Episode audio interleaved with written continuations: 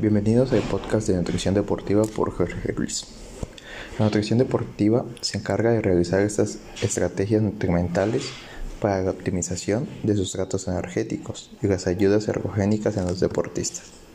La dieta de los deportistas se centra en tres objetivos principales, aportar la energía apropiada y otorgar nutrientes para la mantención y reparación de los tejidos, especialmente del tejido muscular, y mantener y regular el metabolismo corporal esto quiere decir que ayuda como termorregulador.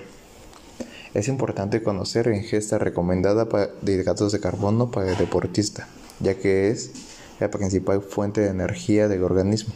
Se recomienda que para preentrenamiento, para tener las suficientes reservas de hidratos de carbono previas al ejercicio, para que cuando tu atleta llegue al entrenamiento llegue con óptimas energías.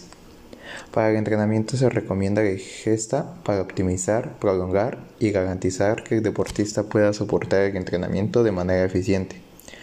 Esto se da más en deportistas de alta resistencia, sobre todo de resistencia aeróbica, ya que los deportistas de intensidad o velocistas o que suelen ser de, de deportes de corta duración, pues no tienen este desgaste de hidratos de carbono como los de mayor, mayor duración. Por último, para el postentrenamiento, ayuda a las reservas de glucógeno y para la restauración muscular.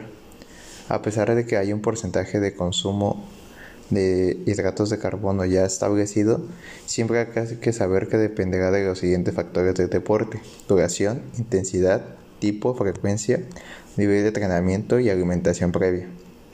También están las proteínas, las cuales se recomienda después del entrenamiento y la competición para la recuperación muscular.